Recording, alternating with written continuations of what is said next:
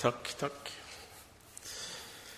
Eh, bibeltime i FBB har stått i kalenderen lenge, og så eh, har jeg aldri fått noe tema. Og da går det som det ofte går, at eh, man bruker det man er opptatt av. Eh, og eh, det har altså sagt som en slags overskrift betraktninger eller refleksjoner om barnet og barndommen. Og da vil jeg si at eh, ja vel, det blir kanskje subjektivt eh, på mange vis, men eh, samtidig også velinformert, kanskje. Eh, både fordi at jeg lever med unger tett innpå meg hver dag. Eh, Men det andre som utgjør bakgrunnen for det, det er eh, arbeidet mitt, med, doktorgradsarbeidet mitt på NLA, der jeg jobber med en teolog som heter Hans Urs von Balthazar. Og nå glemte jeg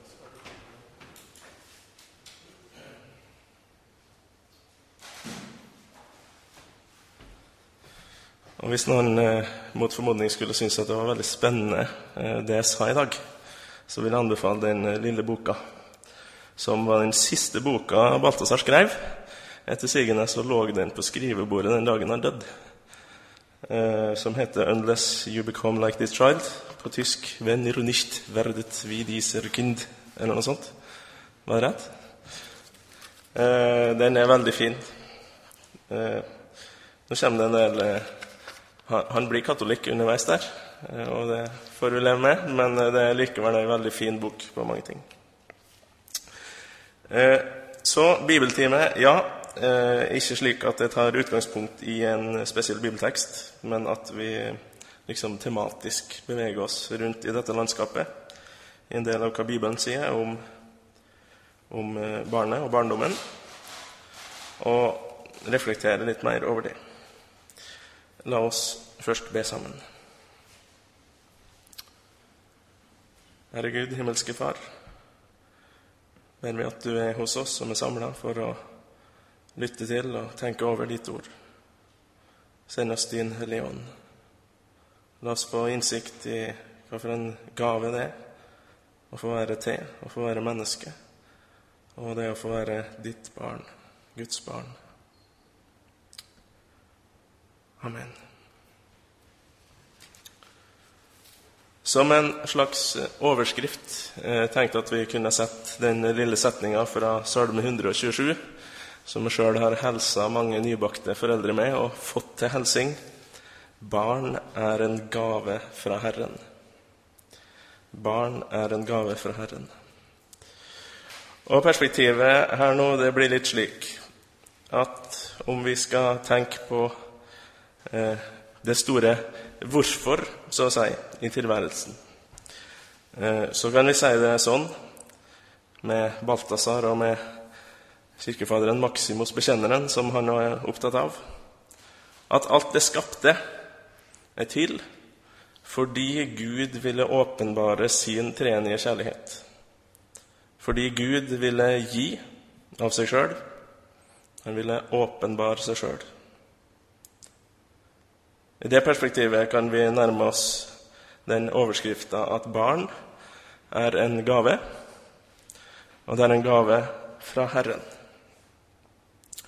Og Vi skal da se på sjølve det at barnet sjøl er ei gave, og at dette med barnet og de tankene Bibelen gir oss om barnet og barndommen, lærer oss viktige ting om Gud, om oss sjøl, om vårt forhold til Gud, om kristenlivet. Det første jeg vil gjøre eh, når vi liksom går i gang med dette temaet, er å minne om sammenhengen som det ordet i Salme 127 står i. Barn er en gave fra Herren. For det står sammen med de ordene som hører 17. mai til, om at hvis ikke Herren bygger huset, arbeider bygningsmennene forgjeves. Og hvis ikke Herren vokter byen, våker vaktmannen forgjeves. Dette er perspektivet at uten Gud eh, dug ingenting. Uten Han eh, skjer ikke det som bygger. Og det blir også da perspektivet på barnet i den salmen. Sjøl om barnet stammer fra foreldra sine, så er det også dette perspektivet der. Hvis ikke Herren bygger huset, altså eh, sjøl om det er noe som så å si eh, vokser ut fra oss, fra mennesket, så er det likevel fullt og helt Guds verk og avhengig av Han. At hver gang et barn kommer til verden, dette store underet, så er det Guds verk, helt og fullt. Og det er ei stor undring og forundring som er knytta til dette når et barn blir til. Jeg vil eh, lese et lite dikt av André Bjerke, som i en sammenheng oppdaga nå nylig at det hadde han skrevet til dattera si en time eller to etter hun var født. Jeg hadde liksom kjent det diktet fra før, men jeg syns det ga det ekstra, en, en ekstra dimensjon, så å si. Det heter 'To luker i himmelen'. Det største mysterium er ikke mer enn det at en ørliten kropp er våknet til jorden. Den nyfødte ser. To luker i himmelen går opp. Selv femtrinnsraketter og kjernefysikk blir puslingers puslespill når det nyfødte barn med et eneste blikk beviser at Gud er til. Jeg har sett den så fint eh, ordet på dette. Den sterke erfaringen av undring og glede som er der når et barn blir til. For kanskje er det akkurat i denne situasjonen at det blir tydeligst for oss nettopp dette at livet er ei gave når vi mottar at det er ei god gave. At barnet sjøl bare mottar det å være til. Og hvordan foreldra står der full av undring over nettopp dette, at det er Herren som bygger. Sjøl om det gikk ut fra foreldra, så er det samtidig noe mer, noe som er Guds verk. Og denne undringa den finner vi jo igjen i Bibelen flere plasser. Vi kan tenke f.eks. på eh, Salme 139, der eh, salmisten tenker på sitt eget liv, hvordan Gud er nær i enhver situasjon. Og da kobler han det nettopp til dette, til fødselen og svangerskapet. Du har skapt mitt indre, du har vevd meg i mors liv. Jeg takker deg fordi jeg er skapt på skremmende, underfullt vis. Ja, det er sannelig et underfullt vis. Og med denne undringa, denne gaven, så kommer også gleden. Og jeg syns det er spennende hvordan Jesus i sin avskjedstale i Johannesevangeliet når han skal sette navn på den største gleden vi så si kan tenke oss. Da snakker han nettopp om dette.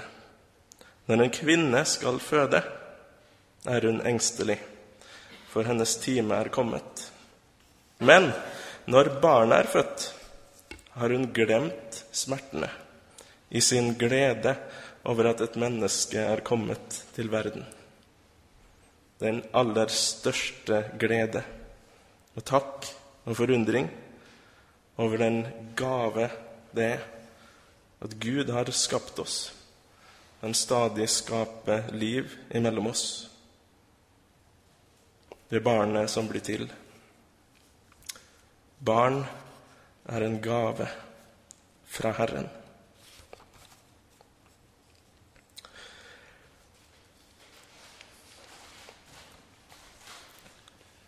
Så er barnet der.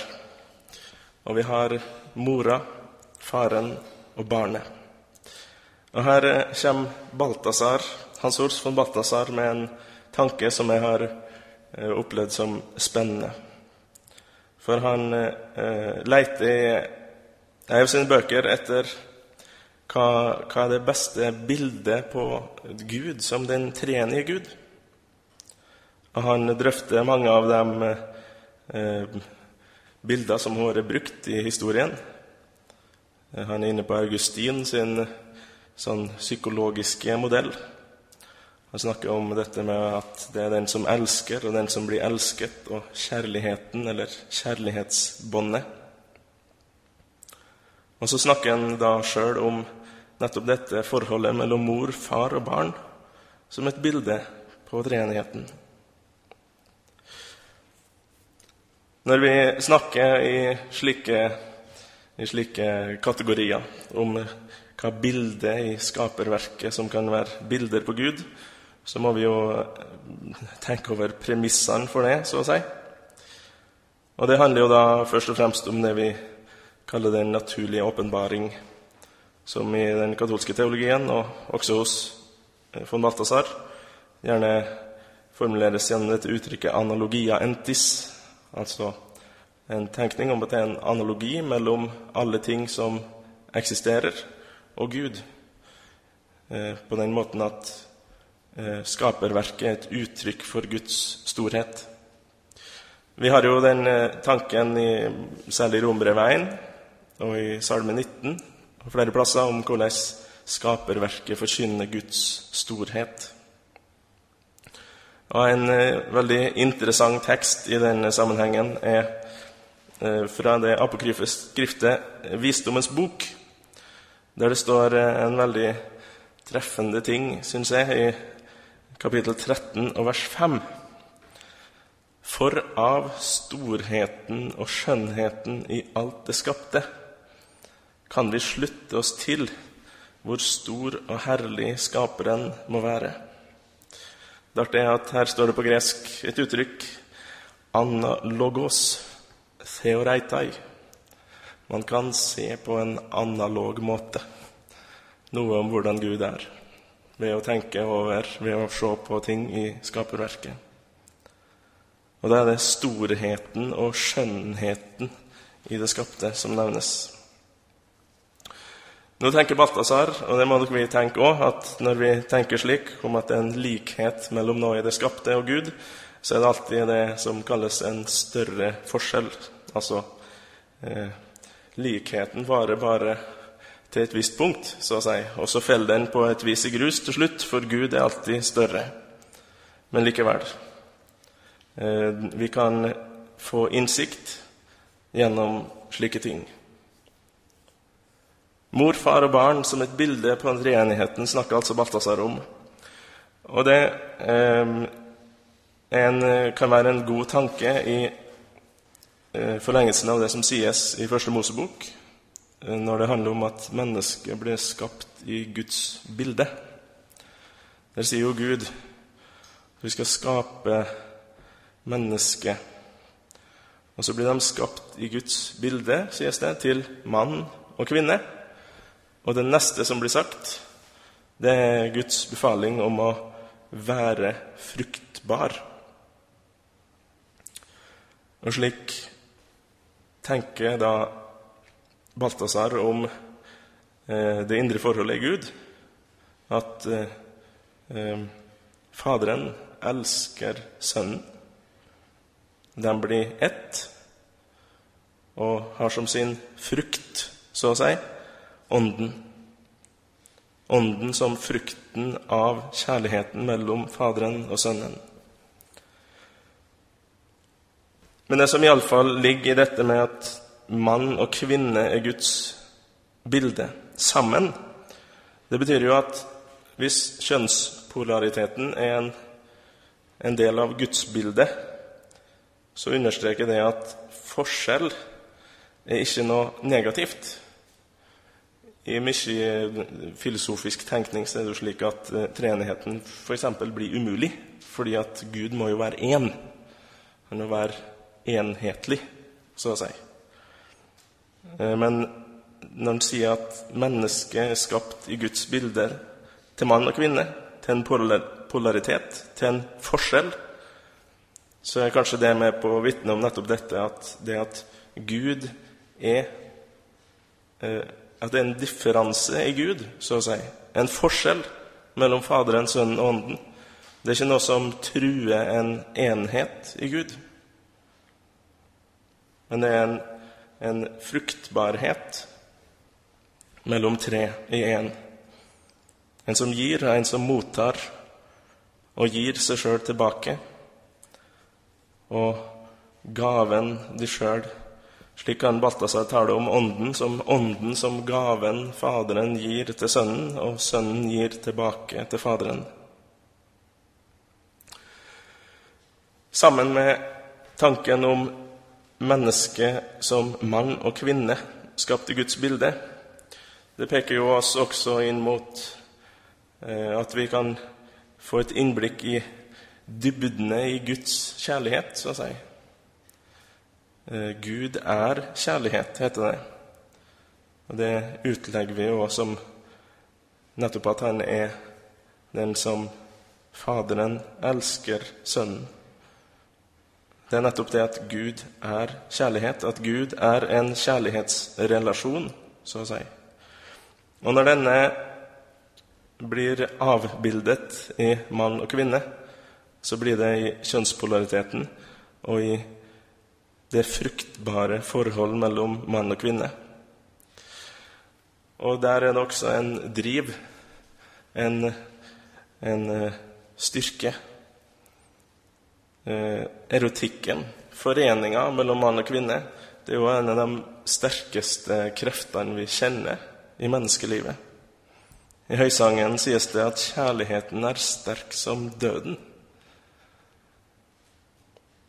Det er også noe som, som kan tale til oss om Guds kjærlighet. Kjærligheten er sterkere enn døden. Lidenskapen mektig som dødsriket.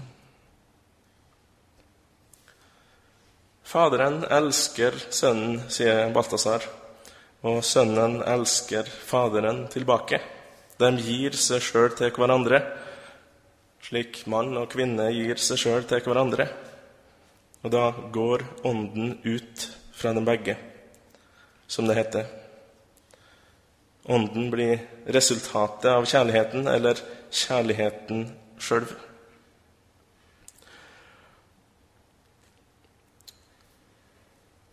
Og tanken da om Ånden som gave Ånden som gaven Faderen gir Sønnen, eh, og Sønnen gir tilbake til Faderen, den har en resonansbunn i en del tekster i Det nye testamentet som taler nettopp om Ånden som gave.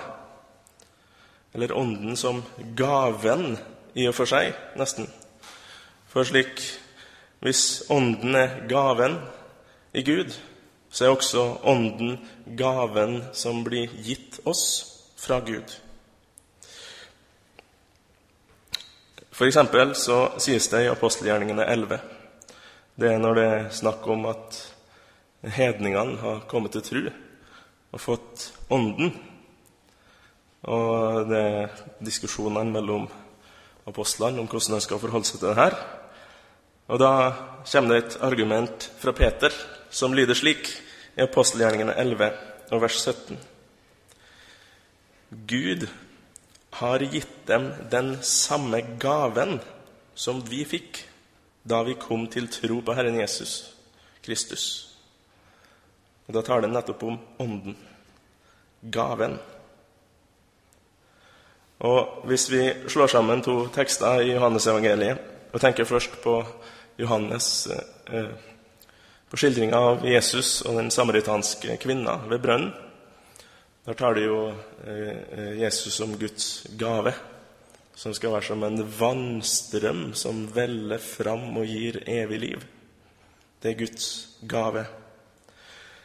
Og Senere i Johannes-evangeliet, i kapittel 7, så taler Jesus igjen om en vannstrøm som skal renne fra den som tror på Han. Og der sies det at dette Der talte Jesus om Ånden som de som trodde på ham, skulle få. Den gaven, det var Ånden. Ånden som frukten av kjærligheten, og dermed gaven, frukten også av det som skjer når Gud frelser og gir til oss.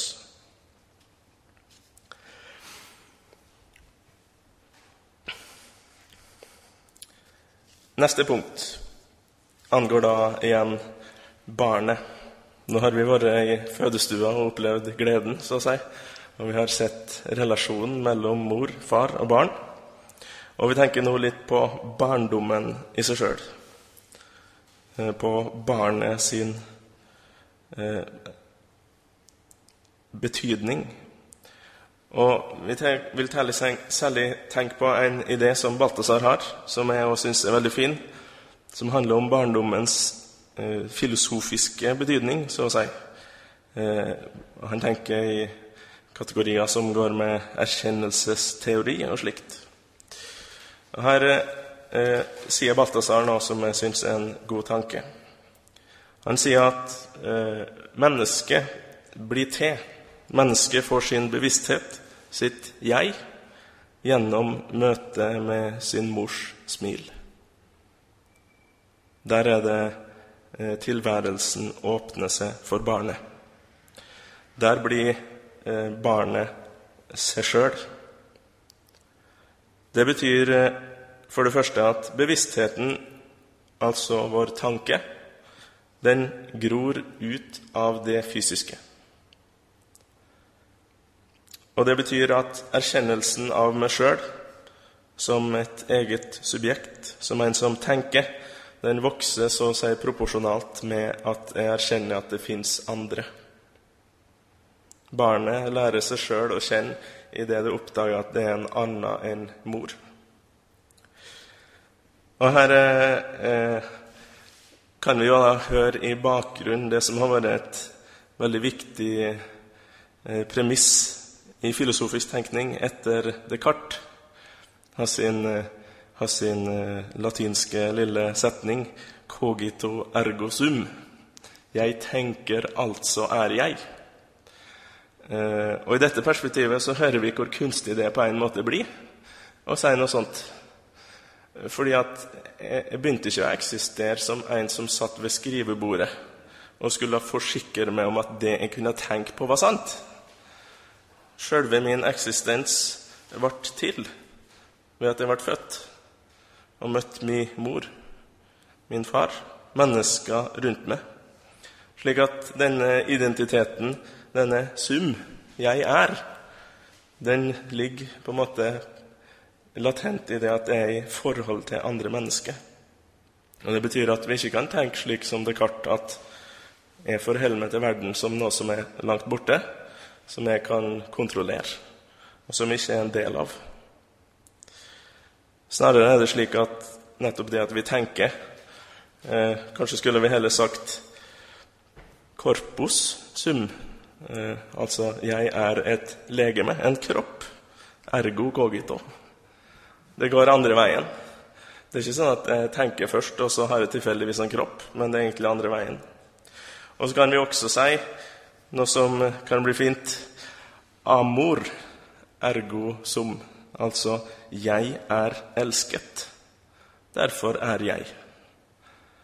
Det sier Balthazar, og det er det barnet oppdager det oppdager at mor elsker meg, for hun gir seg sjøl til meg i smilet eller ved brystet. Det oppdager at barnet oppdager at det er elska, og slik ser det at det er til. Og Det er jo akkurat det perspektivet vi må ha over vårt liv. At vi er til djupest sett fordi vi er elsket, og aller djupest elsket av Gud. Amor ergo sum. Og Dette gir kanskje viktig lys til det Bibelen sier om forholdet mellom foreldre og barn. Og f.eks. til det fjerde budet. Hvorfor det har kommet så langt opp på tavla, så å si. For det er så viktig. Fordi at eh, det er nettopp i forholdet til foreldra der Eh, tilværelsen åpner seg for barnet. Og gjennom det så er det faktisk også der at gudserkjennelsen starter, så å si. Eh, Balthazar sier det i ganske radikale vendinger, så å si, i denne lille boka, at barnet veit ingen forskjell på Guds og foreldrenes kjærlighet. det at eh, Gud elsker barnet, kan barnet ikke erfare på noen annen måte enn at foreldra gjør det. Og det er jo en viktig påminnelse om det som vi heller aldri må glemme, at erkjennelsen av Gud den kommer også alltid gjennom det skapte, på en eller annen måte. Det kommer gjennom eh, det Gud har gjort i skapelsen, og det kommer gjennom det Han har åpenbart gjennom handlinger, gjennom tale, gjennom skrift i verden. Eh, der heller er det ikke noe slik cogito ergo sum, altså at gudserkjennelsen kommer som et slags lyn inn i vår tanke, men det kommer til oss utenfra, gjennom det skapte. Det er jo et stort eh, ansvar i dette at foreldreautoriteten så å si er lånt fra Gud. Det er bare en gave i at vi får delta i Guds skapelse, men også et stort ansvar. Og dette, dette, denne befalinga i Bibelen om at vi skal lære opp barna det handler jo kanskje til sjuende og sist om at vi skal lære dem at bak alle gaver som barnet mottar, står giveren med stor G, så å si. Han som gir all god gave og all fullkommen gave som kommer ovenfra, som det står i Jakobs brev, Gud. Og også motsatt vei, at all takk, all kjærlighet Ja, at bak all alt elskeverdig, så står den som er verdt å elske framfor noe, nemlig Gud.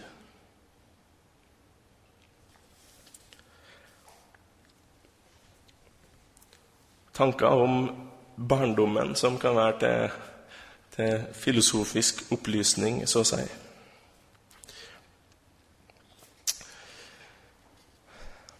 Så går vi neste steg i refleksjonene rundt barnet. Og vi kommer til Jesus eh, sin tale om å bli som barn. Og vi leser fra Matteus 18. Nettopp da kom disiplene og spurte Jesus. Hvem er den største i himmelriket? Da kalte han til seg et lite barn stilte dem midt iblant dem og sa:" Sannelig, jeg sier dere, uten at dere vender om og blir som barn, kommer dere ikke inn i himmelriket. Den som gjør seg selv liten som dette barnet, han er den største i himmelriket. Og den som tar imot et slikt lite barn i mitt navn, tar imot meg. Å bli som barn, det er en omvendelse. Det er et navn på omvendelsen. Det handler jo om dette at vel kan Bibelen snakke i løse vendinger så å si om alle mennesker som menneskebarn, som Guds barn. For Gud er jo far til alt som er til. Men samtidig så er det noe som gjør at vi blir barn på en annen måte. Her kommer jo hele eh, talen om den nye fødselen inn. Guds barn er den som er født på nytt. Omvendelsen. Uten at dere vender om og blir som barn. Ja, hva er det, da? Hva er dette å bli som barn? Det tror jeg for det første er en ting som er eh, noe vi ikke fort blir ferdig med. og Det stiller opp som punkt 1, 2, 3, 4, og så veit vi hvordan det er.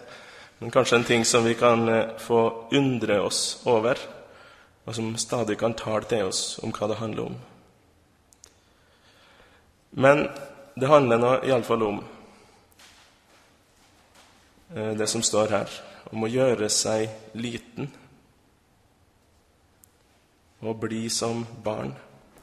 Det handler om en måte å motta på, om avhengighet, om avkall på sjølbestemmelse. Det er jo flere sånne tekster eh, med Jesus og barn involvert. I denne teksten i Matteus 18 så brukes det eh, ordet 'paidion', som betyr lite barn. En liten gutt, kanskje. Eh, mens det f.eks. i en av tekstene i Lukasevangeliet, i den versjonen i Lukasevangeliet der det står om at de bar småbarna til Jesus for at han skulle velsigne dem, der brukes ordet for spedbarn, brefos. Så liten, så avhengig, så mottagelig. Den posisjonen er det vi blir oppfordra til å vende oss om til overfor Gud. Det kan jo på en måte føles som en trussel å skulle inn i en slik situasjon. Å være så avhengig, så hjelpeløs eh, som spedbarnet. Men for den som har Gud til far, så er det ei stor glede. Fordi at det nettopp tilsvarer Guds måte å gi på. For han gir akkurat like ubetinga som barnet mottar. Eh, Luther sier i, første, i forklaringa til første artikkelen og lister opp alt som Gud gir. Alt dette gjør han bare av faderlig godhet og guddommelig barmhjertighet. Det, det er det som tilsvarer vår mottagelighetsinnstilling som barn. Og det gjelder jo i skapelsen, men det gjelder også i frelsen, i forløsningen. Der mottar vi på samme vis som barnet. Helt ufortjent. Uten at jeg har fortjent det eller er verdig til det, som Luther sier. Denne avhengigheten og mottageligheten den har det eiendommelige hos seg i, i barnet at eh, bønn og takknemlighet det er så å si det samme. Altså når barnet eh, skriker etter melk, så er det akkurat som takken begynner i det det ber om å få det. På sett og vis. Det mottar eh, Bønn og takk er så å si ett. Så kan jo dette å bli som barn eh, være å la seg prege av, av noen av barnets egenskaper. Eh, og Da kan vi tenke særlig på eh, en tekst i Salme 131. Der eh, leser vi slik Herre, mitt hjerte er ikke hovmodig, mine øyne er ikke stolte. Jeg gir meg ikke av med slikt som er for stort og underfullt for meg. Nei, jeg har brakt min sjel til ro og gjort den ganske stille, som et lite barn hos sin mor når det har stilt sin tørst. Slik er min sjel i meg. Ikke hovmodighet, ikke stolthet, ikke å gi seg av med det som er for stort. Nei, men tillit, stillhet, ro. Og den som har sett et barn som akkurat har fått mat hos sin mor, det er rolig. Det jeg bruker å si det sånn at det er to ting som signaliserer fred i verden. Og det er en, et spedbarn som har fått mat, og en katt som sover. Det er liksom en trygghet og ro som eh, kan si oss mye. Så har barnet også denne eh, umiddelbarheten ved seg. Barnet trekker seg liksom ikke tilbake og reflekterer hvordan skal vi nå tenke om dette og dette, og hvordan henger det egentlig sammen. Barnet er liksom midt i det og tar det. Og kanskje er det jo akkurat det som er poenget i den eh, teksten som sto i bibelleseplanen i, i går. Jesus er i tempelet, og så roper barna Hosianna, Davids sønn. Noe enkelt. Men så har de òg grepet det en slags nærhet og umiddelbarhet som er forbilledlig. Og det har jo dem som har hatt unger sjøl erfart mange ganger. Ofte går det jo over alle støvleskaft, og det kan bli ganske kreative ideer. Men ofte er det også slik at de kommer med sånne gode innsikter. Det sitt. En av de første gangene eh, Gabriel, eldste sønnen vår, hadde vært til nattvær, så snakka jeg med henne etterpå så spurte liksom, ja, hva er noe, hvorfor har vi nattvær. da? Hva er dette for noe? Jo, er det den maten Jesus gir disiplene sine? Sånn. Og det er liksom eh, Der kan barnet leve. Det tar det imot. Sånn er det. Spør ikke. Hvordan kan det gå an? Hvorfor er det slik? Men de lever der umiddelbart, er i det.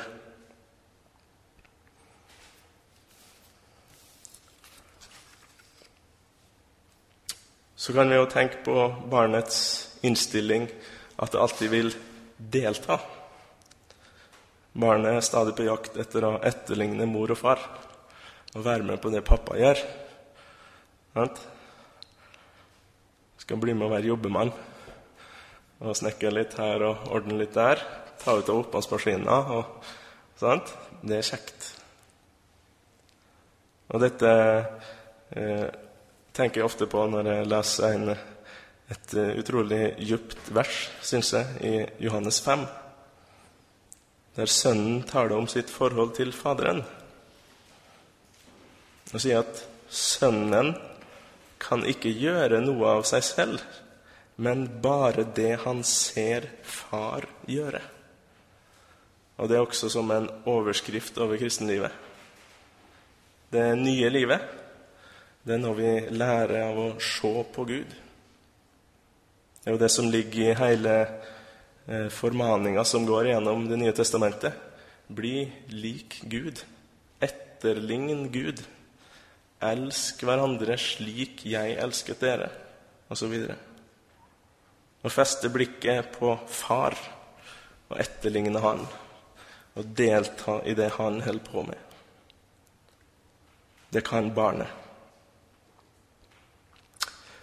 Det var litt om dette å bli som barn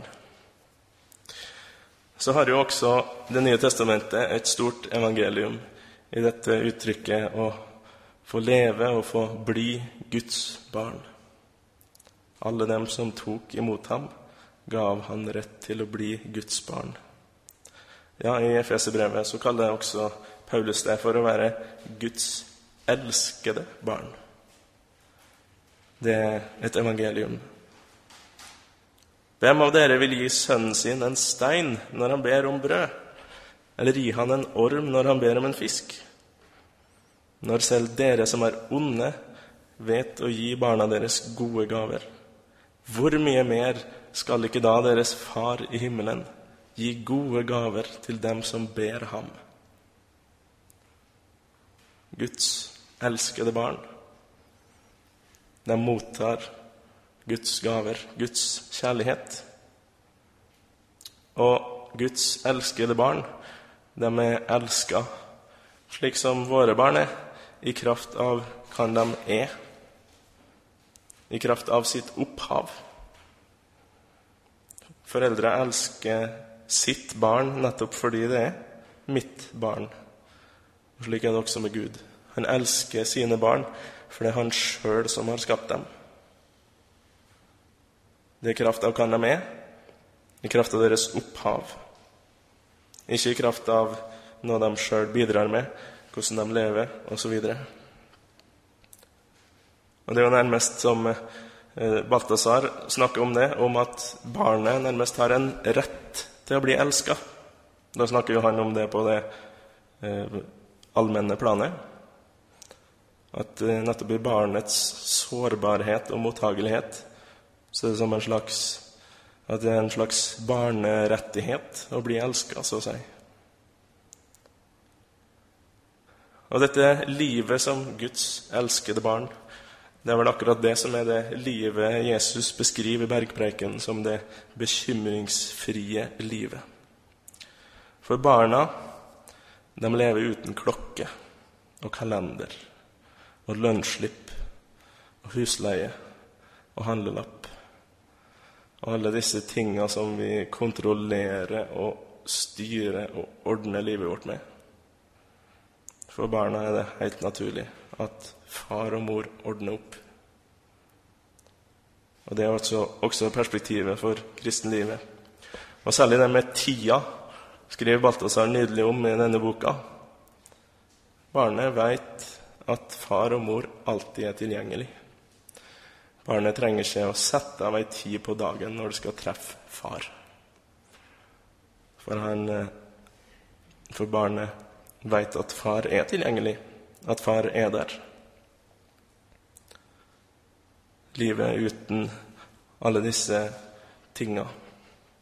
Det bekymringsfrie livet i Guds omsorg. Så til slutt jeg så et intervju med Hans Georg Gadamer, den kjente tyske filosofen, i sammenheng med ei lesegruppe her for et par måneder siden. Eh, det var et intervju med han da han var 92 år, eller noe sånt. Han stavra seg i vei med stokken og sliten stemme, men han var ganske kvikk i hodet fortsatt. Og så sa han noe veldig interessant. Han sa når vi blir gamle kommer barndommen tilbake. Eh, og det syns jeg var en god tanke ut fra mye av det jeg har snakka om i dag. Grunnen til at han hadde oppdaga det sånn, det var at det var noen som hadde sagt at du gjør alltid sånn når du snakker. Og da hadde han kommet på at det gjorde mora hans. Og hun døde når han var fire år. Det husker han. Husker han barndommen? Og det rimer jo veldig godt med alt vi har, det jeg har snakka om, om hvor viktig barndommen er for at vi nettopp blir dem vi er. For når livet går mot slutten, så går vi så å si tilbake til utgangspunktet. Paulus han skriver det til Timoteus at tomhendte kommer vi inn i verden, og tomhendte må vi forlate den. Det er liksom vilkåret. Samme begynnelse og slutt. Livet det avsluttes ofte på de samme vilkårene som det begynner. Og For mange så blir det jo også slik at nettopp alderdommen får mange av barndommens trekk over seg, ved at en mister muligheten til å ta seg av seg sjøl. At, at en blir helt avhengig av andre mennesker igjen. Og da tenker jeg det er godt å tenke på den nådepakt Gud har innstifta med oss i dåpen, som vi har med oss fra starten av livet til slutten. Og det er samme, samme vilkår på slutten som det var på begynnelsen. At det er Guds nåde som blir gitt oss. Vi blir gitt et liv forent med Kristus, oppreist med Han. Et liv som Gud bærer i oss, og som gjelder like til slutten. Og Da vil jeg bare avrunde med et ord fra Jesaja 46, som er fint i den sammenheng. Dere som helt fra mors liv ble båret og like fra mors fang ble løftet opp. Til dere blir gamle, er jeg den samme. Til håre gråner vil jeg bære dere. Det har jeg gjort, og det skal jeg gjøre. Ja, jeg skal bære og berge dere. Det er Guds perspektiv på dem som kalles Guds barn. Skal vi be. Takk, Herre, for dette gode budskapet at vi får være dine barn for Jesus skyld, med alle de gavene og gledene det gir oss. Herre, la oss få leve i og grunne på dette mysteriet. Amen. Nå vil jeg at vi skal synge en liten bedehussang som håper jeg får en slags eh, ny innholdsfylde i lys av dette. Og så kan vi gjerne ha litt eh, samtale etterpå.